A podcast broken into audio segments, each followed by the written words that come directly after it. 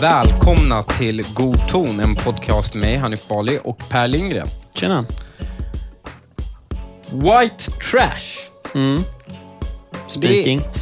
Det, alla, alla älskar ju att liksom... Alla förstår ju konceptet white trash och alla älskar ju på något sätt att ta avstånd från det. Mm. Nu kommer det. Vadå? Du vill lansera black trash. nej, oh, nej. Brunt trash.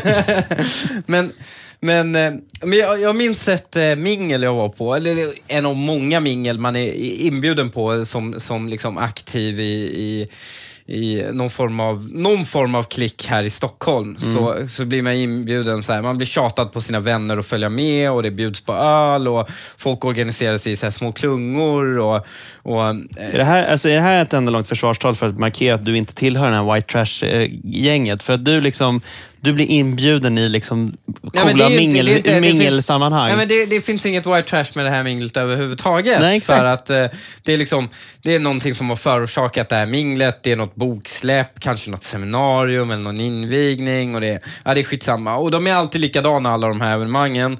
Några så här trendiga tygpåsade liberaler i något hörn och några tankesmedjefigurer i något annat. Liksom, och några självutnämnda entreprenörer inom extrema citattecken liksom med någon tredje hörn. Så någon nos, eh, liksom, nosringsfeminister i något annat. Liksom. Och, och sen så finns det självklart mångfald representerad mm. i form av att typ jag är där eller någon annan liksom hyperassimilerad Östermalmsiranie. Mm. Uh, och, och ser, liksom, de ser ju i alla fall exotiska ut och pursvenskarna på minglet, de är inte så medvetna om skillnaden i alla fall. Liksom. Um, och det är ju precis så vi vill ha vår mångfald såklart, lite ytligt lagom men i grunden precis som oss själva. Och det intressanta är hur vi alla flytt från våra liksom, bakgrunder där.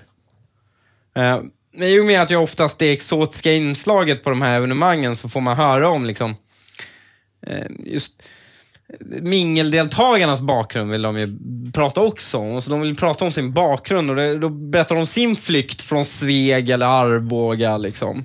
Uh, och, och sen har de den här föraktet i tonen när de uh, prat, beskriver liksom, sina barndomsorter. Den inskränkta rasistiska mentalitet och hat mot progressivitet och de där jävla typerna som blir arga på när Ikea byter namn på sina julartiklar till vinterartiklar. Liksom. Mm. Och så hö, och sen så, och så hånar de de, de som rasar i kommentarsfältet när man inte får vara pepparkaksgubbe på Lucia. Liksom, och, och så hör, hör de lite mot det. Och, du vet, de som blir arga på invandrarna för att skolavslutningen inte längre är i kyrkan, men som själva varken är närvarande på varken skolavslutningen eller i kyrkan. Liksom. Um, och jag känner igen det där. Jag är uppväxt liksom i gränslandet på det där i, i Upplands Väsby. Där um, men det, vi hade white trash liksom. I'll och say. Ja, jag, vet, jag, vet, allt om Upplands Väsbys white trash. Och eh, jag, vi var en av de få invandrarna i, just i högstadiet. Så var vi en av de få. Och de dunkade liksom Ultima Thule i skolkafeterian och och så, och så de här, liksom, hur det är socialt accepterat att håna hur de klädde sig och epatraktorerna de körde, hur berusade de var, hur osmakligt billigt de klär sig, hur stereotypiskt de bodde och hur tidigt det blev på smällen. Liksom. Men förstör inte det här för mig nu. Det här, är liksom det, som, det här var det som särskilde oss i Sollentuna från Upplands Väsby. Alltså det var ju våran en, det var det enda som kunde hålla näsan ovanför ytan, att vi fick sparka neråt mot de enda som var lägre stående än oss. Exakt. White trash från Upplands Väsby. Och det är så intressant, för när du är på de här, liksom, de här evenemangen och du pratar med de här människorna som beskriver de här bakgrunden, så får man komma ihåg att den personen som beskriver det här var ju också det. Ja, ja, precis. Men den har fått göra en resa liksom, mm. och fly det där. Mm. Eh, det får man aldrig glömma heller. Så när han pratar om så fruktansvärt inskränkt rasistiska det är och de sa n-ordet och allt sånt, så, så måste man ju komma ihåg att så det där var du. Men på grund av att din, liksom, på grund av att samhällets ideal ser så mycket ner på det där, så har du förändrats. Du har blivit en bättre person.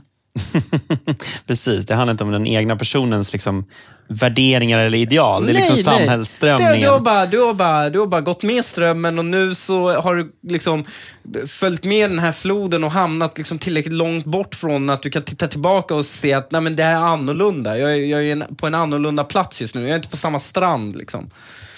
Och för en gångs skull, på det här minglet, så ville jag berätta om min flykt med. Liksom. Mm. Ja, men det, för det, jag förstår det, att du liksom för en gång skulle vilja göra det, för min sanning och eh, Exakt. söndagsintervjun räcker Exakt. inte. Exakt, för där, i den flykten, inte, alltså det var inte den flykten jag ville berätta. Den flykten som svenskar älskar att höra, det är inte den jag ville berätta. För den flykten som svenskar älskar att höra, så är alltid svensken den sista hjälten. Det är liksom sista bossen som är hjälten. Den liksom slutar likadant den här berättelsen för alla blattar. Oavsett var man börjar så slutar berättelsen alltid med att Sverige delar ut ett uppehållstillstånd och sen får den pursvenska publiken bara kollektiv ejakulation i någon form av godhet. Liksom. Så här, shit, det där gjorde vi bra. Tänker alla och så dunkar varandra i ryggen. Och så, det kan väl spela ingen roll om det är jag eller om det, liksom, om det är Ardalan Shekarabi eller eh, Zlatan eller vad fan det nu är. Liksom. Så, så, slutar det med att Sverige delar ut ett uppehållstillstånd och alla blir liksom hårda på varandra. Så när jag slänger in min hatt i, och liksom, i den kollektiva berättandet i i det här minglet, så, så märker jag tidigt att folk blir väldigt obekväma. För jag ville berätta om min flykt. Okej, var de rädda då för att du skulle trumfa? Så de bara så här, "Ja, men shit, vi, jag var tvungen att flytta från epatraktoren i Arboga och så är de rädda så här, nej, nu kommer det. Liksom han, snubben som har kommit från ett flyktingläger, kommer bara så här rycka mattan under fötterna Nej. så det framstår som att jag är bara så här en privileged bastard. Nej, nej, nej, tvärtom faktiskt. Tvärtom. Det handlar om att, eh, liksom, när jag pratar om förorten, alltså min uppväxt. Alltså när, jag, när jag pratar om när jag var uppväxt i Husby och de sociala klickarna även i Väsby, invandrargängen i Väsby. Så liksom när man pratar om den liksom, när, man, när jag beskriver deras rasistiska mentalitet, liksom. Att eh, hur någon som snålade med att bjuda på tuggummi eller sig kallades för jävla yahudi, alltså jude. Liksom, eh, hur alla lyssnade på samma afroamerikaniserade, ultrahomofoba, sexistiska gangsterhiphop. Liksom. Eh, hur alla eh, körde, liksom, deras liksom, ideal var att köra samma jävla tyska bilar långt bak, bak bortom sin ekonomiska förmåga och hur osmakliga liksom, Adidas-kostymerna var och hur de kombinerades med accessoarer från lyxmärken som Gucci och Louis Vuitton som pappa hade köpt på liksom, någon, någon, någon semester i Turkiet liksom, när han träffade dina kusiner. Och hur folk satt och liksom, hängde på parkbänken i tor- torget och lämnade travar med skal av solrosfrön i, eh, efter sig och hur fattigt deras jävla språk var pausljud och gettoslang som maskerade det faktum att de pratade svenska på en sexårings ordförråd. Eh, och, liksom, och det gjorde de inte bara på svenska utan även sitt modersmål. Och då ser man hur det här sällskapet bara vrider sig. Liksom den svenska rädslan för att göra fel bara paralyserar dem. Men i sällskapet så här, bryter alltid in ind- indignerat när man gör det här. Och, som så här men alla är inte så i förorten. Såklart. Det är jätteviktigt att poängtera. Ja, men såklart inte. Men alla är väl inte vitt skräp i Sveg heller? Väl? Nej. Det är fan ingen som kommer till undsättning för Ronny på ett sånt där min- mingel. Liksom så här. Jo, men alla som heter Ronny är faktiskt inte, liksom, har inte Gällivare-häng och snusar lössnus. Men, det är liksom, men sällskapet känner sig lite nu lugnare, för de har fått in en sån här värdegrundsbrasklapp. Liksom. Nu har jag lite ruggen, för de har markerat här mot rasismen. Men, här, men det är ju liksom, det är lite sjukt, de slänger in den här, inte alla svartskallar. Slänger de ut till en svartskalle, som är ett levande bevis på att inte alla svartskallar är så. Du behöver informeras om det. Ja, men jag, de behöver informera om mig, om att alla i förorten inte är Adidas-riddare. Liksom. Bara, Tack för ditt inlägg, liksom. får jag fort, det liksom bidrog med noll. Liksom. Jag, får jag fortsätta min story? Och då be- berättar man liksom hur, hur i mina barndomsorter, liksom alla tjejer förväntades vara oskulder och hur svenska, eller försvenskade tjejer sågs som eh, liksom tillfälliga madrasser tills liksom, dina föräldrar hittade någon lämplig kusin i hemlandet åt dig. Och, och hur man berättar hur man fick en smäll i, man kunde få stryk och jag fick stryk i skolkorridoren för att en kille som brukade langa gräs fick höra att jag i religionskunskapen hade yttrat mig utan respekt mot hans profet. Mm, i det alltså, här. precis, det respektfulla i att liksom langa gräs i plugget. Och sen vara- försvara din religion Mm. samtidigt. Underbart. Och jag menar, om man pratar om om liksom rasismen i, i Sveg. Men när gjorde, såg du senast någon sån här, men jag har ju sett så många såna här resereportage då någon kreddig innerstads-swady liksom åker ut till sitt, sitt bruksorts barndomshem och beskriver sina rassiga skolkamrater. Liksom. Hur många sådana reporta- reportage har man inte hört? Men hur många gånger har någon så här, äh, någon, någon creddig innerstads liksom, eh, journalist med invandrarbakgrund åkt till förorten och sen beskrivit hur jävla rasistiska de var? Alltså, rasblandningar är fan mer tabu i förorten än i den amerikanska södern. Men Ja, det men där så- är väl, alltså det där är väl, det finns väl liksom en, en, ett förhållningssätt runt att, eh, alltså där bland ja, men etablissemangstänk eller liksom vänstervinklat etablissemangstänk om att rasism kan bara ske om du är vit. Ja, men absolut. Men jag undrar, vad kallar man då att trots att araber och somalier lever dörr till dörr och delar liksom samma religion och, och socioekonomi och allt sånt om, så skulle det bli blodsutgjutelse vara resultatet om de fick reda på att sin dotter hade relation med vad de, då, de här araberna kallar för en zinji. Ja, Alltså, nej men en, alltså, en svart person. Ja, nej men det är klart att det är rasism. Det, alltså, vad, ska man, vad ska man kalla det? Mm. Alltså, om det inte är rasism, vad ska man kalla det? Men Och- du, vad fan heter hon, eh, vänsterpartisten? Jag är så jävla dålig på namn. Jag menar, säger inte, jag, det är inte att jag inte... Jaha, Amina Kakabaveh? Ja, exakt. Är det inte hon som... Var inte hon ute och eh, skrev någon text på precis det här temat? Att det, att det finns rasism inom liksom, invandrargrupper. Var det inte hon som fick svin mycket skit inom vänsterled för just det? Ehm, ja, var det hon eller var Nej, det någon skitsamma. annan? Det var någon i alla fall. Ja, men det har varit, den, den här debatten har väckts och Mm. kvävts många gånger. Hur, mycket, hur extrem den rasismen är. Men alltså, den vanligaste storyn i, förutom liksom hederskulturen, att man behöver mörka att man är tillsammans med någon, Mm. så behöver man särskilt mörka om du är tillsammans med någon från en annan etnicitet Mm. i förorten. Och Det är någonting folk glömmer. Folk är inte chill med att man, liksom, särskilt om det är bortom religion eller om det är bort mellan hudfärger och så vidare. Det är inte lugnt Nej. eh, bland väldigt många familjer. Långt, om du skulle göra en statistisk undersökning på, jag, och det här, så här jag, vågar, jag vågar påstå det med det här med full, liksom, full förtroende för att jag inte kommer att ha fel. Det, är en, det är en gissning för vi har inte datum, men om du skulle göra en statistisk undersökning och ta reda på, är du, är det, är du okej om din dotter gifter sig med en svart man mellan den svenska populationen och populationen i, ehm, i eh, våra förorter så skulle du hitta en enormt högre andel som skulle svara nej i våra förorter. Och då skulle vi inkludera massa människor som är svarta som svarar på frågan. Och statistiken hade fortfarande varit högre. Mm. Här undrar man, är det okej att kalla dem för brunt skräp? Är det okej att kalla den här kulturen, de här normerna, för brunt skräp? Åh, vad du är alltid livsfarlig. Jag, jag, jag vet ju, alltså, du, har ju, du har ju helt rätt. Och jag menar, om vi inte ser ner på den här kulturen, hur ska den någonsin förändras? Varför Jag- skulle ha människor ha ett annat ideal att sträva mot? Alltså grejen är så här, man ska inte vara rädd för uttryck och så här. Men fan, är inte... Alltså så här, white trash har ju blivit ett etablerat ord. Är inte det rimliga att man... Eh, alltså, om man ska vara lite seriös, så är det egentligen ett rätt vidrigt uttryck i form av att varför blanda in hudfärg överhuvudtaget? Liksom? Ja, men det är väl typ... Alltså så här, Men För de är vita! ja, men för att beskriva ett beteende. Liksom. Det är inga, det är inga svartskallar som kör epatraktorer. Nej, det är för sig jävligt rätt i. Det har du rätt i. Nej, det har du rätt i. Och det, så det är klart att det finns svartskallar som kör epa, försvenskade blattar i, i, i bruksorter som sitter med i epatraktorer och kör själva. Jag känner flera själv, fan i Mjölbypartiet.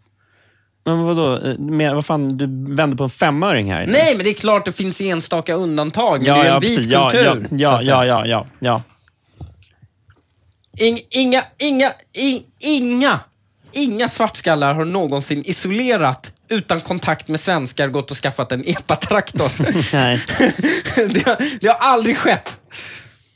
Hur som helst så, vad, vad vill jag liksom, vad vill jag nå med den här långa liksom, anekdoten?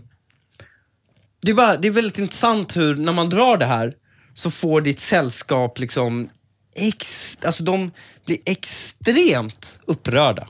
De tycker att det är rasism. Hur kan du uttrycka dig så nedsättande mot utsatta människor? Ja, men jag tycker ändå... Och då alltså- undrar jag, är inte människor i Sveg också utsatta? Jo, men kolla. Jag skulle ändå säga så här, ja, men det är ju, eh, även om det är beskrivande, så är det så här, fan det är ju lite äckligt att prata om hudfärg runt så här, ja men de är på, på det ena eller andra sättet och så blanda in hudfärg. Det är ju någonting, så hade vitt skräp kommit nu, så hade jag vänt mig mot det be- begreppet. Men nu finns det och nu är det så etablerat, så då börjar jag inte grina över det. Ja. Och jag vet inte, Jag har ingen längtan, efter att, man ska kan- jag har ingen längtan efter att man ska börja prata om svart eller brunt skräp. ja Liksom. okej, men det är skräp. Kan vi enas om att det är skräp? Ja. Det här är skräpkultur. Ja. Och det här är antingen, så att säga, en häxbrygd av olika invandrargruppers skräpkultur i våra förorter. Eller så är det liksom en häxbrygd av olika bruksortsmentaliteter och left behind peoples kultur i våra liksom, bruksorter. Enig. Och jag vågar påstå att det finns någon form av balans i att anse att människor eh, liksom är både offer för sin miljö, i att de är uppväxta i Sveg, du kan inte hjälpa det liksom. Och har hamnat i en... Alltså när man pratar i skolor, när jag besöker skolor, och man pratar, då pratar de om bruksortsmentalitet. Om att det är väldigt svårt att få killarna att söka till högskolan, för de har en bruksortsmentalitet. Och det har man ingen problem att prata om. Men, ja, men det är något destruktivt, det är någonting vi försöker vi jobba aktivt gentemot, vi försöker uppmuntra dem att eh, lämna det, det formen av tänk, att söka sig vidare, att, att liksom, eh, ja men öppna, bli lite mer, ja, ja men helt enkelt bli lite mer storstadsaktiga eller globala eller vad man ska kalla det. Det är helt okej. Men om man skulle öppna upp det, en diskussion om det, om, om en förortsmentalitet, eller en ortenmentalitet, då skulle det ju omedelbart bli ett jävla grinande om att man tar ifrån de här barnen sitt självförtroende genom att stämpla dem. Och jag kommer ihåg, för inte så länge sedan, Erik Ullenhag pratade om postortsrasism. Att, Va? att eh, många människor från Rinkeby och, och, och Tensta blev diskriminerade för att de var från Rinkeby och Tensta. Jesus Christ. Eh, och då är det så här, ja, men i samma på samma sätt vi ser på Sveg. ja, alltså precis. Alltså på samma sätt vi ser på Sveg. Medan det har ju aldrig varit så att man träffat någon från Rinkeby som inte uppfyller, så att säga, som inte uppfyller stereotypen. Där man tänker, men han är ju från Rinkeby. Eller för den delen, någon som kommer från Arboga och Sveg och är liksom helt assimilerad i den urbana miljön här i Stockholm, så tänker man, men han är ju från Sveg. Det gör det ju aldrig. Nej. Så det existerar ingen rasism på det sättet, att man, man dömer någon för evigt för att den kommer därifrån. Däremot, ja, dyker någon upp och snackar ortensvenska och, och liksom har Adidas-kostym på sig på en jobbintervju och kommer från Rinkeby. Jag kommer ha gott om fördomar om den personen. Mm. Men det, här, det du är inne på nu är, påminner lite om det som vi pratade om i det här avsnittet om Hornsbergs strand. Alltså, det är just avsaknaden av vokabulär som ju är till men för stora grupper av invandrare. Eftersom att man, mm, alltså svennebananerna buntar ihop liksom hela gruppen invandrare som en grupp. Alltså, vilket betyder att man så här, ja men alltså det som är skräpkultur, blir det fortfarande så här, nej men det ska vi för, vara förlåtande runt eftersom att de är invandrare. Men det blir ju då en negativ effekt för de som inte är skräpkultursinvandrare för att man associeras med den skräpkulturen. Men det är ju, de har ju lika, alltså liksom den, den gruppen invandrare som inte eh, är Adidas-riddare har ju lika lite gemensamt med Adidas-riddarna som jag har med dem. Liksom. Ja. Och det är här det sjuka blir också att eh, jag vågar påstå att misstaget ligger också även hos invandrare. För invandrarna, så fort de här Adidas-riddarna riskerar att få kritik så slänger de in sig själva som en sköld mot dem. Det gör de också. Nämligen, Och det finns det ju inte motsvarande i förhållande till liksom Ronny, Conny och det Sonny. gör ingen för jag Ronny, har Conny Sonny. aldrig klätt skott för Ronny. Det gör ingen någonsin. Och sen kan det ju finnas någon form av jävla balans däremellan såklart, måste det ju finnas. Alltså, nå- när övergår, så att säga, ditt förakt mot kulturen och normerna ifrån ett förakt mot de personerna? Och det har man ju kunnat se i, så att säga, diskussionen om SD. Mm. Nämligen, SD-väljarna blev plötsligt väldigt okej att demonisera. Liksom om det är en sån här, ja men bruksortsvänner som röstar på SD har ju varit var villebråd i off offentlig media på ett sätt som kanske inte är helt okej. liksom.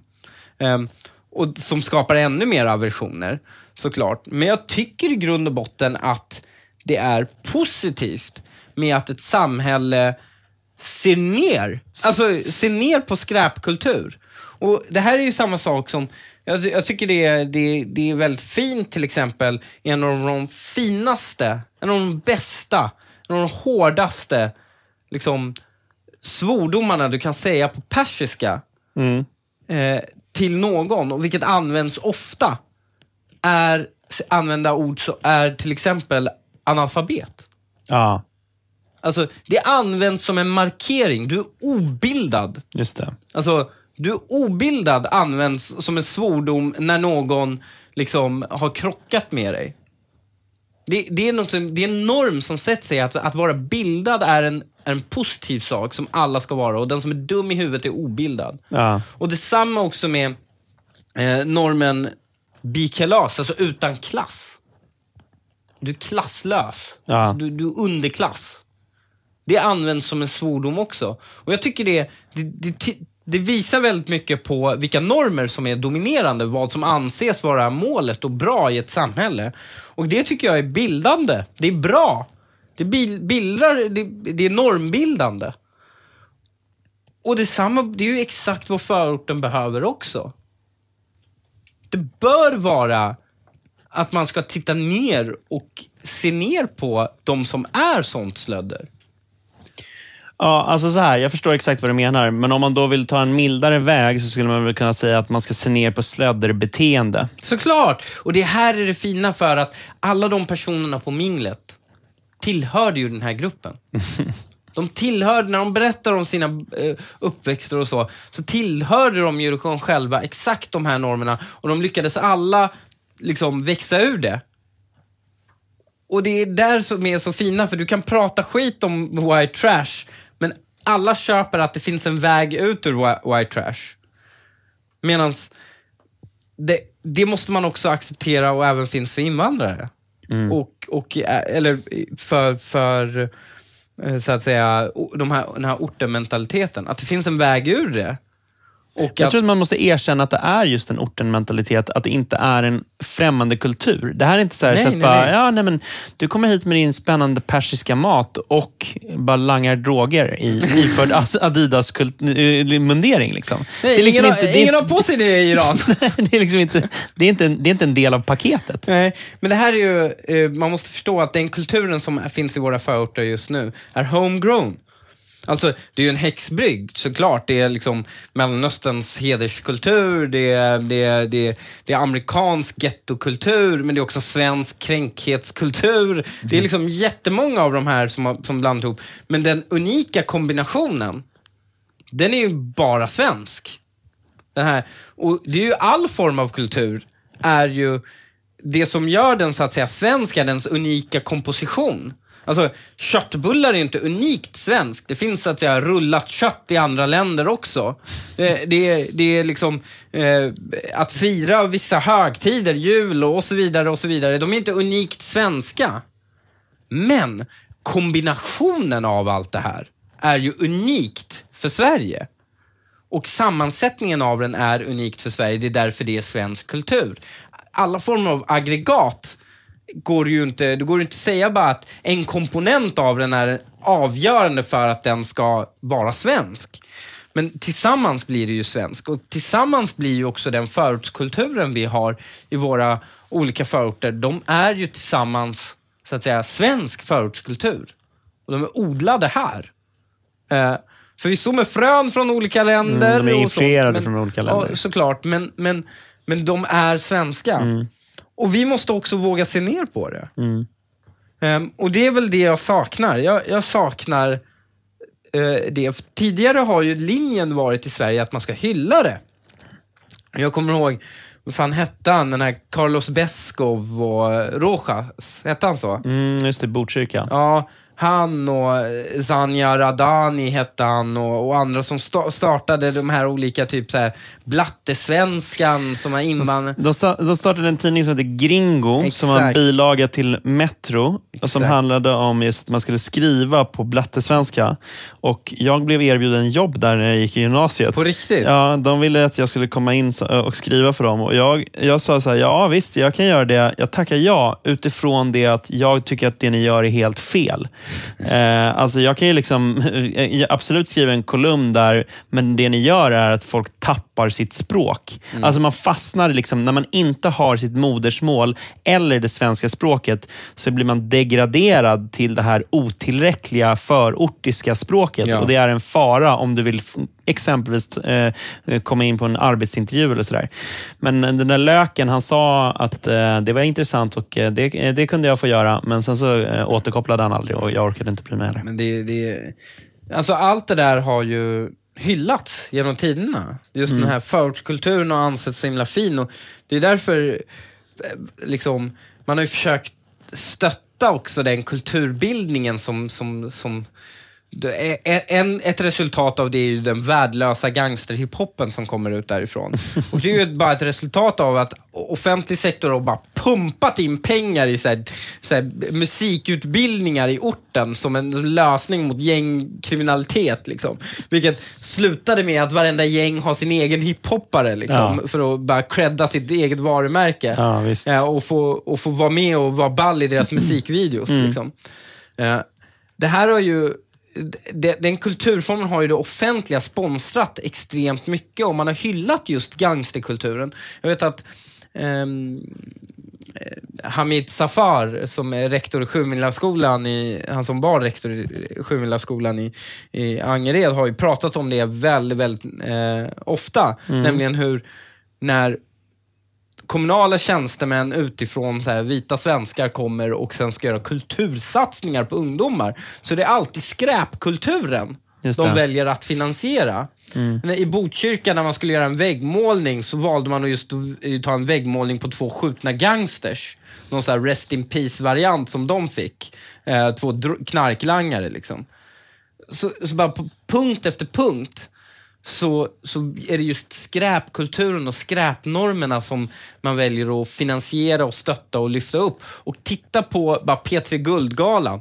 Vad krävs det för att få P3 Guld? Jo, men du ska ha liksom lite rough eh, bakgrund i orten, ha lite skräpkultur och vara antisemit. Liksom. Det är vad som krävs för att få eh, P3 Guldpris. Eh, och, och Jag träffade det, en snubbe som, som lyssnar på den här podden, som var på P3 Guldgalan. Han är musikproducent. ja. Han är, han är väldigt stort fan av oss, men han, han, liksom, han upplever lite våran podd som något av ett så här, ja, men du vet, en isvakshål där man andas. Han beskrev det som fullkomligt olidligt. Liksom. Just det där att så här, ja, men allting var PKI-fierat och allting var så här, ja, men, du vet, allt är bara åt helvete. Alltså, det är så här, men, allt från liksom veganska maten till talen till liksom så här, ja, nej, det är fruktansvärt. Det är, ju, det är ju liksom en blandning av så här, tal mot det vita förtryckande samhället, Ja. som, alltså, som de är fucking på P3 skattefinansierat, tar emot priser, till, till att liksom bara så här, appeller för Palestinas kamp mot sionisterna. Liksom.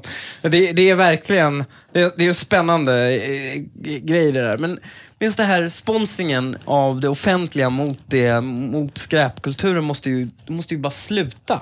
De måste ju tro och det här ser man också en nedbrytning som även finns i USA. Alltså, ta skräpkulturen i USA och hur den fick, hur den tog tag i amerika, afroamerikansk eh, befolkning.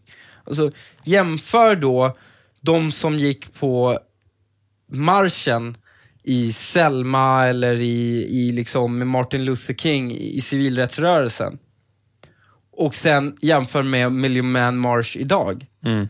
Och sen ser du, trots att den afroamerikanska gruppen har ekonomiskt det mycket, mycket bättre idag än vad den hade tidigare, så ser du en enorm skillnad i klass. Mm. Alltså du har sett en nedbrytning av klass.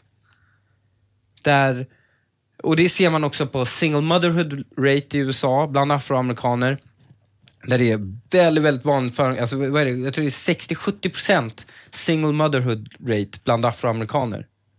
Det är ju fruktansvärt. Det är galet. Och det är ju en nedbrytning av kultur. Och jag tror att det finns en fara i att säga de här är offer, därför får vi inte kritisera deras kultur. Mm. För att det är, blir, eller till och med inom gruppen och säga vi är offer, därför ska vi inte kritisera vår kultur. Det här är precis vad Alexander Bard är inne på kring det här med Rousseau. Alltså går man in i ett rum och identifierar hjälten eller offret. Ja. Och vem ska man anpassa eh, rummet efter? Alltså ska man gå mot att eh, rummet ska bli som på hjältens nivå? Eller ska man tycka synd om offret och låta resten hållas tillbaka till offrets nivå? Ja. Det är precis det. Och här, ehm, här tror jag vi måste lära oss, särskilt nu när vi får minoriteter på riktigt i Sverige, måste lära oss av andra länders misstag. Och det sista vi vill ha är väl någon form av kreolklass i, med, med helt fruktansvärt destruktiva normer och värderingar eh, i, i segregerade fickor runt om i varenda stad i vårt land. Utan om man vill ha en kulturell assimilation och en normmässig assimilation, då måste man ju se ner på de destruktiva sidorna av, av vissa subkulturer. Eh, och det måste också invandrarpopulationen själva göra. Vi må, liksom, man måste våga titta ner, trots att de är offer, måste man våga titta ner på de negativa delarna inom sin subkultur. Och än så länge så har jag märkt att det finns noll beredskap för att göra det. Och det är så jäkla destruktivt. Så Jag tror att det ligger i rädslan för att eh, sparka på någon som ligger ner. Ja. Alltså Det är det som är grejen. Men det är precis det, är det, är det man gör om man inte eh, fördömer det som är klandervärt.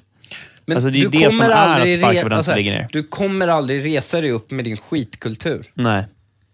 Jo, jo, du kommer få några sym- symboliska liksom, eh, gangster-hiphoppare med massa cash. Liksom. Sure, det kommer vara din stora seger. Men som, som grupp eller som, som ort eller som eh, liksom, eh, subkultur kommer du aldrig resa dig upp om du inte vågar erkänna vad som är felet på dig. Jag har eh, varit och jagat. Jag såg det. Mm. Du skickade lite bilder. Du har ett, eh, liksom ett krigsärr också. Jag vet, jag är med i eh, den kongliga halvmåneklubben. När heter man, det inte, nej, men alltså, när man inte vet hur man ska hålla i en bössa så eh, händer det att eh, siktet, eller riktmedlet om man är skitnödig, Mm. att liksom kikarsiktet studsar upp och spräcker ögonbrynen på en. Ja. Då kan man få som en liten halvmåne, så nu är jag med i den. Man ska liksom, eh, du höll ögat för nära siktet. Ja, fast mer att jag inte höll den rätt mot axeln. Aha, okej. Ja. Men alltså jag jagar väldigt lite eftersom att jag inte är eh, rik eller bondlurk. Mm. Eh, men jag gillar jakt. Eh, även fast jag inte är så kunnig kring jakt. Mm. Det är väldigt beroendeframkallande med jakt. Jan Guillou, han jagar ju mycket. Han, han brukar kokettera med en mening som är typ så här. Ja, jakt handlar om att människor eh, har lust att döda. För annars hade alla jägare kunnat gå runt med svampkorgar i skogen. Och det, alltså helt fel har han inte. Men ändå håller jag inte helt och hållet med. Mhm. För, för mig så finns det, liksom, det är många moment som gör jakten speciell. Och Det kanske låter töntigt, men till exempel så är det så att man kommer mycket närmare naturen när man jagar än när man plockar svamp. Är det så? Hur då? Men alltså, man behöver vara tyst. Och Då blir det att du får se liksom, djurens naturliga beteende. Kan du, inte man, hålla käft, kan du inte hålla käften och plocka svamp? Nej, men det blir inte det. Du kommer inte göra det. Alltså, det blir naturligt att det går och knäcker grenar och väsnas och sådär. Och djur hör det där på så jävla långt håll så att du, du se, hinner inte ens se dem. Liksom. Eh, och så blir det också när man är Så tyst. är, är tystnad en förutsättning för att komma naturen nära? Alltså? Ja. Komma djuren nära. Ja, djuren är det. Ja, men jag skulle säga naturen nära i meningen att du också lyssnar på, alltså när du själv är tyst så lyssnar du på ljuden från skogen på ett helt annat sätt. Och Det där gör man inte på samma sätt när man är ute och plockar svamp. Kan det vara det med meditatoriska? Vad menar du? Alltså lite som att meditera, att vara tyst. Folk går ju på så silent resorts och håller Ja, alltså, i det, det, det finns en, ett tveklöst en meditativ funktion i att bara liksom sitta på en jävla pall Mm. eller stubbe i skogen och glo. Alltså, fan absolut. Och Men det kan man ju göra utan att döda saker vill jag Ja, men det kan man. Men det här var ett moment. Mm. Alltså, det finns ju flera. Alltså, eh, alltså så här, det är typ även kläderna. Alltså, jag, gillar, jag gillar jaktkläder. och eh, känslan av att gå i skogen med vapen. Det är så här pojkleka krig-häftigt. Du vet. Eh, och ja, och så här, även liksom stämningen i, med andra jägare. Alltså det här känner jag igen väldigt mycket från dykning. Jag tycker om att dyka. Och i, i pauserna, alltså under måltider och så där mellan dyk, då pratar man mycket om vad man har sett och vad som har hänt och sådär. Och precis så är det med jakt också. Så man får ofta liksom kontakt med människor som man kanske inte, alltså man behöver inte ha skitmycket gemensamt med dem. Så man kanske inte hade umgåtts annars, men i jakten så liksom möts man och det där är rätt häftigt också. Och Sen så är det jävligt coolt också med samarbetet mellan människor och hundar, för ofta så jagar man med hund. Liksom. Och, eh, så här, och, Man kan plocka svamp med hund också vill jag säga. jo, De är visst, väldigt duktiga på att hitta svamp Jo, också. visst, vilket för övrigt är fusk. Men, och sen så är jakten ofta, liksom, jag ser det som ett här, projekt med ett givet mål. Alltså, så hela gruppen jobbar mot liksom, att fälla viltet. Och när man då fäller ett vilt så är det såklart det är en speciell grej för den personen som fäller det, men ofta så är det liksom en insats av flera, exemp- alltså inte minst av, av hundarna. Så jag gillar jakt. Eh, Men för mig är jakt en hobby. Det är liksom inte en livsstil. Och På den punkten skiljer jag mig från väldigt många jägare. Ja. Och En annan sak som skiljer mig från väldigt många jägare är att jag har ägnat en tanke eller två åt ifall det är okej att skjuta djur. Alltså det är oerhört många jag har mött genom åren, inte bara, genom, alltså inte bara inom jakten, utan även utanför eh, jakt, liksom, eller jägarcommunityt om man så säger, som förhåller sig helt reflektionslöst till både köttätande och jakt. Och Det blir liksom en så här hö-hö-stämning om man överhuvudtaget problematiserar det. Och Alltså jag tror inte att någon moralfilosof skulle liksom ge mig någon slags stående ovation för hur jag resonerar kring det här. Men så här tänker jag kring varför jag är okej med jakt, eller varför jag till och med jagar själv och varför jag äter kött. Varför det blir okej i min värld. Sen så kanske inte det är en perfekt förklaring, men det duger liksom för mig. Jag ser det som så här att människan är en topppredator. Så vi är alltså som art jagande rovdjur, det vill säga att vi äter också andra djur. Då liksom. och, men vi är ett så intelligent djur att vi har ställt upp vissa förhållningsregler för hur man borde leva i form av moraliska normer. Och De här moraliska normerna de träffar i första hand den, i den egna arten, alltså hur man bör agera mot andra människor. Och Det är där vi har liksom vår egentliga eller huvudsakliga lojalitetsplikt alltså gentemot andra människor. Men Det betyder då alltså att i valet mellan att ett djur dör och att en människa dör, så är det rätt att välja att djuret ska dö. Men de moraliska normerna är även handlingsdirigerande för hur vi bör agera gentemot djur på så sätt att vi ska inte utsätta djur för onödigt lidande. Om vi då bara har moraliska åtaganden gentemot varandra så är det inte, djurpro, då är liksom inte djurplågeri klandervärt. Alltså, ta exempelvis nu, det har dykt upp i media att några spelade fotboll med en igelkott och så blir Ja. alla förbannade. Jag är helt säker på att flera av de som blir förbannade på när någon spelar i, fotboll med en igelkott sen sitter reflektionslöst och bara så här käkar kött och när någon ifrågasätter att de äter kött så bara så här. Alltså så här, att, det, att det inte finns någon reflektion eller tanke bakom det. Liksom. Ja. Men jag menar att varför det är fel är helt enkelt på grund av att vi har ett moraliskt ansvar för att inte orsaka onödigt lidande för djur. Men det jag säger nu kan man ju då se som liksom en radda tomma ord. Alltså vad är onödigt lidande? Eh, när vi som art liksom har lärt oss att producera vegetarisk mat som ju håller oss friska och mätta så kan man ju tycka att varje köttbit är omoralisk. Och då blir ju varje Och köttbit... onödigt lidande. Ja, exakt. Det blir onödigt lidande. Men jag menar att liksom, hela, det här, hela mitt resonemang tar utgångspunkt i att vi är topppredatorer. Och utifrån det bygger jag hela resonemanget. Alltså, och vi behöver inte skämmas över att vi som art utvecklas till rovdjur oavsett om vissa inom arten valt att inte äta kött. Alltså vi som art är rovdjur. Eh, men eh, vi, liksom, vi har fortfarande möjligheten att minimera lidandet. Och Därför så skjuter man då inte när djur står bakom det djuret man skjuter på. Om man gör eftersök ifall man har skadeskjutit något vilt och man skjuter inte när det är mörkt och man använder ammunition som liksom expanderar så att djuret ska dö snabbt och så vidare. Och Allt det här, allt det handlar liksom om att minimera lidandet. Så ser jag på jakt och så ser jag på köttätande. Och Sannolikt kommer liksom eh, massa människor tycka att det här är fel eller att jag är fel ute. eller sådär. Men det duger liksom för att legitimera det, för mig i alla fall. Eh, men jag tycker ändå så här att när man äter kött och när man jagar, så tycker jag ändå att man borde ändå fundera över de här frågorna.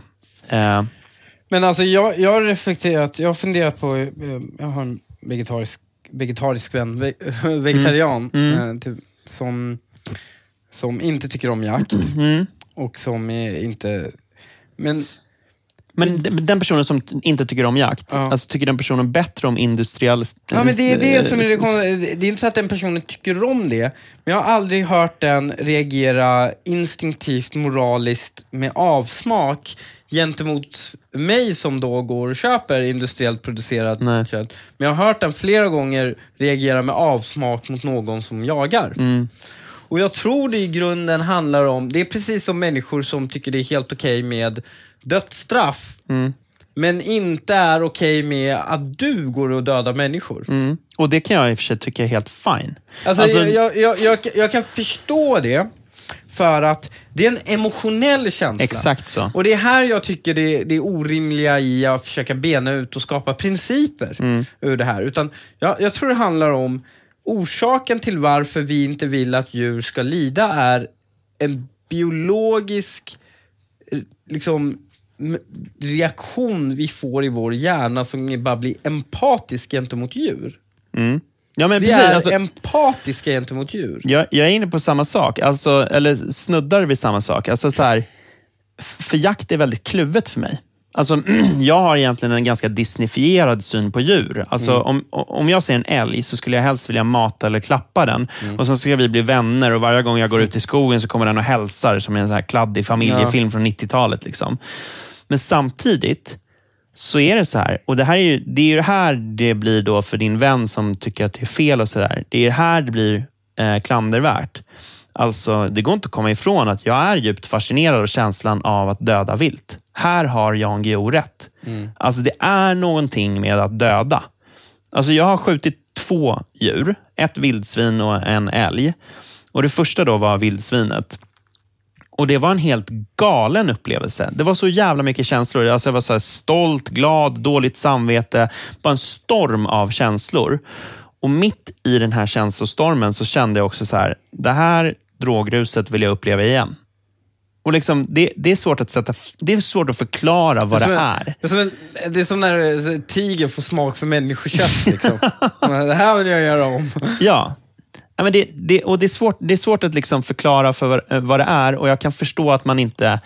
Jag förstår, jag förstår att det finns eh, väldigt många som har svårt för, alltså, eh, som inte vill göra det själva och som också tycker att det är konstigt att man kan känna så. Men vi är ganska många som känner så. Och alltså, Jakt är en extremt viktig liksom, kulturell företeelse för, för väldigt många i Sverige. Eh, och Det finns många jägare som liksom Ja, alltså de, de, det liksom definierar dem som människor. Alltså det fyller liksom stor del av deras tillvaro med mening. Och Det här tycker jag att man faktiskt ska ha respekt för. Alltså, det kan vara väldigt främmande för många att man dödar djur. Och för de människorna så liksom kan jakten framstå som väldigt brutal och konstig. Men jag tycker att det är viktigt att bara för att man själv inte är dragen till jakt, att man därmed dömer jägarna eller jakt som fel. Alltså om man landar i att jakt är fel, så behöver det resonemanget liksom vila på någonting mer än att man själv, man själv inte är kapabel att döda ett djur. Det duger liksom inte att bara utgå ifrån sina egna preferenser när det kommer till en så här ganska svår fråga. Hur länge har jakt varit kulturellt i Sverige? Men vad fan, det måste ju gå tillbaka till från när vi befolkade Sverige. Men tror du, har det varit en kontinu kontinuitet i liksom, jagande även under medeltiden Ja. på den tiden kungen ägde alla djur och Ja, sådana saker? absolut. Helt, helt Vad, Kör man pil och båge då eller? Ja.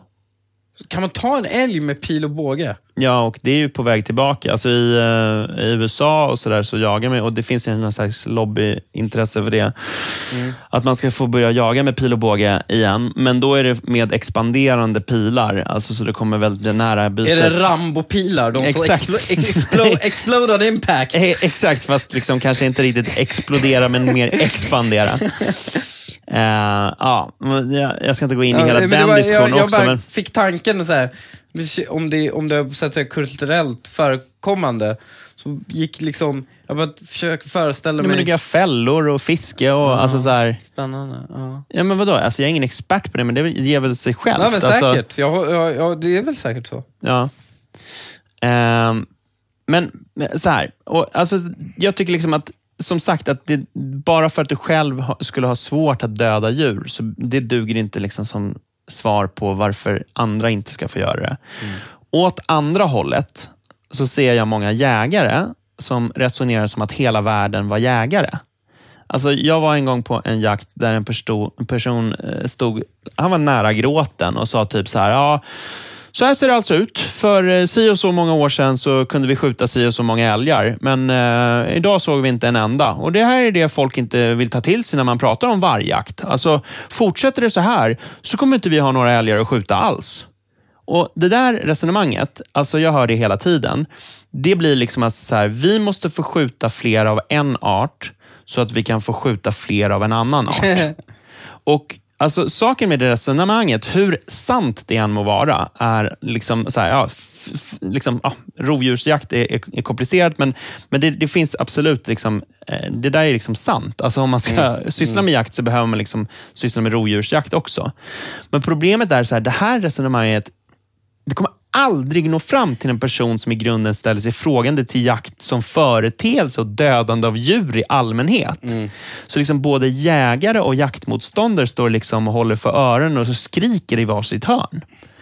Eh, och diskussionen om vargjakt är så jävla infekterad av att alla som ger sig in i den har liksom en hund med i fighten. Det är jägare som vill jaga fler djur, det är markägare som vill slippa skador på träden av älgar. Som, du vet, så här, ja, det är djurägande bönder som vill att liksom, ja, djuren inte ska bli skadade. Och så är det liksom är det djurrättsaktivister som tycker att det är fel att döda djur och så vidare. Så här. Men ingen håller huvudet kallt. Alla vrider debatten till att det ska liksom handla om deras egna intressen. Och Därför blir det helt omöjligt som utomstående att bilda sig en rimlig uppfattning. Ja, jag har checkat ut ur vargdebatten för länge sedan. Liksom. Ja, och jag kan inte checka in för jag fan hänger inte med. Det är helt omöjligt.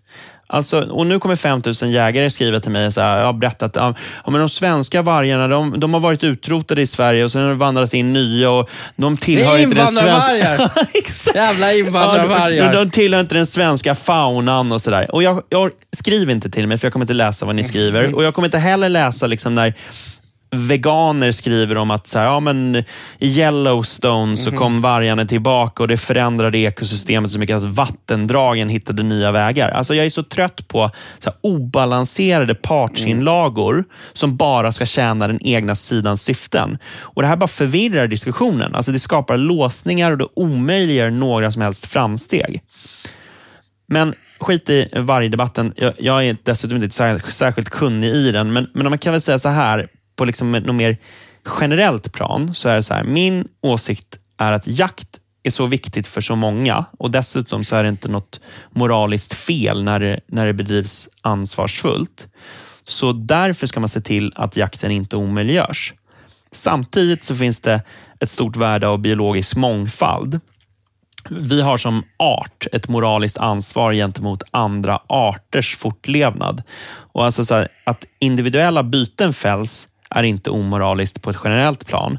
Men jakt som innebär att arter försvinner är omoralisk och därför blir jakt på utrotningshotade djur även i det individuella fallet omoralisk. Mm. Eh, och Målbilden borde därför vara att de olika arterna ska ha livskraftiga stammar i meningen att alltså, de får inte bli så få så att det blir inavel eller att de riskerar att dö ut.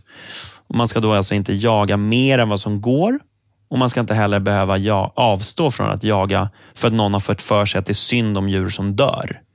Men här undrar jag lite argumentet som man oftast får höra när det kommer till jakt är att om vi inte skjuter alla de här älgarna kommer de svälta ihjäl och dö. Liksom. Mm. Då blir argumentet, vargarna dödade dem åt oss. Mm. blir ju lite kontra... Då, då har de gjort jobbet. Alltså, jag kan inte detta i eh, närmare detalj, men jag kan bara dra en referens till samma... Det, det finns en sälforskare, Mm. jag kommer inte ihåg namnet på honom, men, men han, han är eh, verksam på västkusten. Han, han var djupt involverad i den sälforskning kring säldöden som blev liksom eh, vägen in till riksdagen för Miljöpartiet. Ja, exakt. Han, han fick in Miljöpartiet till riksdagen. Ja, fast, fast grejen är så här, han är nog lite så här, jag vet inte fan vad han röstar på, Mm. men han är lite som den här Ruist som bara så här, Ja. nettoeffekten av att jag ger information är positiv. Liksom. Ja, exakt. Ja. För nu varnar han för en ny säldöd. Där hans förslag är att man behöver börja jaga mer säl. Ja, Fy fan, nu, nu, alla norrmän som lyssnar på den här podden bara, får ju bara så jävla hårda just nu alltså. Ja, men han vill alltså att man ska jaga mer säl för att undvika en säldöd. Ja. Alltså då blir det, det är fråga om en, alltså så att de, de blir så många så att de liksom så här sprider olika sjukdomar mellan varandra. Och så här. Ja, ja, ja, nu kommer massa personer som kan det här bättre rätta mig. Men så här så har jag förstått det i alla fall. Men norrmännen är glada. Får de äntligen klubba säl hur mycket de vill. Ja, men precis. Norrmännen, alltså, men där är det bara ren ondska. det vet man ju.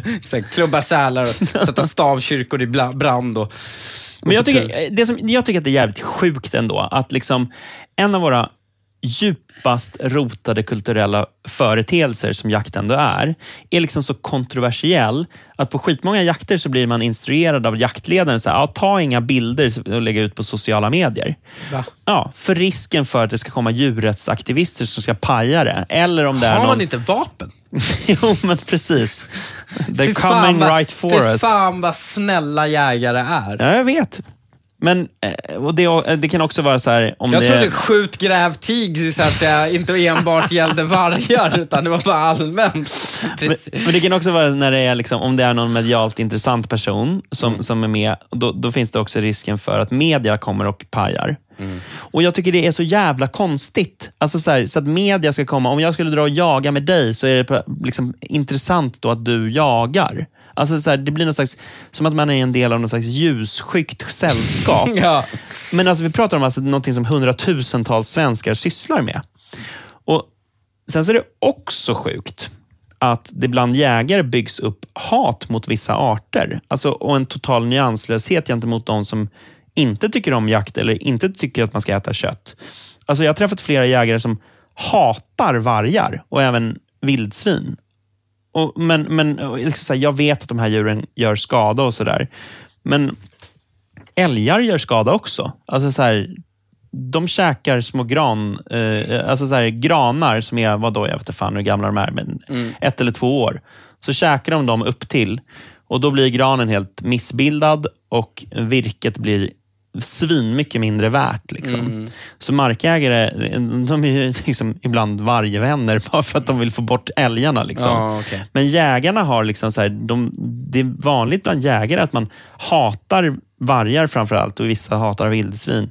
Det är liksom inte samma hat mot älgar. Alltså det, och det, jag hänger inte med på vad logiken är här. Liksom. Det är bara så här irrationella känslosvall. Det är klart det är känslor. I want to be the top predator.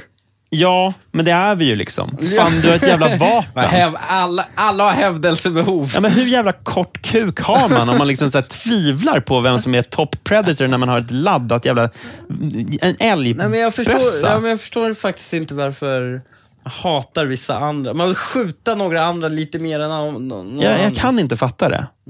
Och alltså, så här, jag menar att man borde hålla huvudet kallt. Alltså, det är jakt. Det, det är inget jävla krig. Det här är en hobby. För all del, en för många väldigt betydelsefull hobby, men det är en jävla hobby. Ja, ja, ja, det finns de som jobbar med jakt i form av viltvård, men för de allra flesta är jakten någonting man gör för att det är kul. Och det är helt okej att man gör det bara för att det är kul. Det räcker. Vi har kommunjägare i Solna. Ja, men det finns det väl i Stockholm också? Ja. De Och det är för övrigt ett jävla problem de har för att i Stockholm, jag snackade med en, med en jägare som, eh, som, som berättade om det att så här, i Stockholm så vill man typ sätta in så här, första hjälpen när, när det står ett jävla rådjur med liksom ett kapat ben. Så här. Det är så här, Folk ringer ambulans. så här, vad fan vad är det för ondskefull jävel som ska skjuta det? Liksom? Nej, men vi, vi har en, han skjuter kaniner. Mycket. Ja. Det är mycket av hans jobb att skjuta kaniner. Mm. De orsakar ju, de är jättesöta. Men de orsakar ju väldigt stor skada i urbana miljöer för de gräver ju tunnlar under vägarna och skit. Mm. Jag vet, alltså längs det här, jag vet inte om den heter så, men Karlbergskanalen där. Mm. Finns Ja, det är ju? Solna. Det är Huvudsta. Det är Ja. Huvudsta-kaninerna. Det är två kaniner som släpptes ut på 70-talet. Ja, men du Och vet, det här är deras avkommor. ja, men du vet, alltså, det ligger ju sallad och skit där. Ja, ja, det, så vi- så här, jag vet. det, hur jävla stockholmskt Vi har, är det? vi, just den personen som reagerade med avsky mot jakt, så att säga. Han, han brukar ju mata dem. Mm. Han bor ju där i området. Smart. Och han brukar mata de här jävla kaninerna. Men och så liksom- får kommunen sida så får vi skjuta dem. Ja. För vem skull matar man dem liksom? De ska klara vintern. Ah, det är så jävla sjukt alltså. Men alltså, det, det, det som är en, en grej det här med jakten, det är alltså att de allra flesta som jagar är män. Och alltså De som har lyssnat på den här podden tidigare vet att alltså, så här, jag är inte den mest högljudda vänsterfeministen. Men det finns fan någonting med det typiskt manliga beteendet som ligger bakom att man lyfter sin hobby till så jävla mycket viktigare än vad den är. Alltså att man förväntar sig att hela landet liksom ska bry sig om vad fan man sysslar med på fritiden. Släpp sargen gubbjävlar. Men det här är lite som spandexcyklisterna. Ja, Det är det viktigaste som existerar på den här Ja. planeten. Ja. Spandexcyklande. Ja. Liksom. Du ska bara lägga miljarder i infrastruktur för Ja. att du ska kunna cykla lite rakare. Ja. Och så liksom den sidan gör, alltså så här, det gör att jag blir irriterad på stor del av jaktcommunityt. Men å andra sidan, fan djurrättsaktivisterna. dra Alltså de här jävla idioterna som pajar jakttorn och skit. Alltså, jag vill bara säga det här. Tro inte för en jävla sekund att ni kommer påverka någonting. Det är typ 300 000 jägare i Sverige. Alltså, det är så djupt rotat i den svenska kulturen. Ni är helt chanslösa. Jakten är här för att stanna. Och Avslutningsvis angående mitt liksom, ja, disneyfierade instinktiva förhållningssätt till djur. Jag skulle ju liksom som sagt hellre, alltså så här, instinkten är typ att jag vill klappa och mata djuren snarare än döda dem, men sen så på något sätt så tycker jag trots allt om att döda dem. Och det är ju en rätt avancerad epic split och jag gör liksom inte någon hemlighet av att det här är jävligt snurrigt. Alltså, men det är precis som du är inne på. Alltså, grejen är så här, varför det blir snurrigt är för att man blandar in liksom känslor i ett resonemang som gör anspråk på att vara rationellt. Och jag har alltid sagt att jag är en djurvän och har väl då på något sätt menat med det att alltså jag har ett stort intresse för djur och tycker om att komma nära djur i sitt liksom, vilda tillstånd. Och Jag vill inte heller att djur ska, alltså att de ska orsakas onödigt lidande. Men man kan ju med visst fog säga att liksom, det är inte så jävla vänskapligt att döda sina vänner och äta upp dem. Liksom.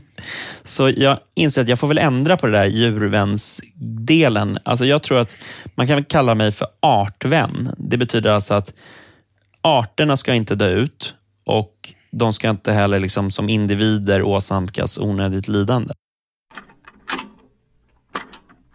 Det var allt för den här veckan. Det var det. Eh, ni som vill stötta vår podd, ni kan göra det på Patreon. Då går ni in på www.patreon.com godton. Där kan ni välja att bli, eh, gå med eh, i vår eh, fantastiska Patreon-klubb där man får tillgång till vårt Facebook-konto. Eh, eller Facebook-grupp blir det och där vi diskuterar olika ämnen. Och eh, eh, Jag skulle varmt rekommendera er att gå med där. Det är väldigt bra diskussioner där faktiskt. Ehm, ni som inte vill göra det, ni kan gå in istället. Ni kan dra åt helvete. Nej, ni kan gå in på vår Instagram istället. För jag tror alla våra patrons följer oss på Instagram. Det tror jag. Ja, så kanske. Ja. God understreck ton. Så får man, ja, får man lite blandade bilder och statusuppdateringar när, när, när vi håller på att spela in och, och så vidare. Så följ oss jättegärna där. Kom gärna med kommentarer också. Där kan man ju, det blir lite kommentarsfält, lite öppet kommentarsfält eh, över de senaste avsnitten och så. Så, så följ oss jättegärna där. Annars så ses vi nästa vecka. Det gör vi. Hej då. Ciao.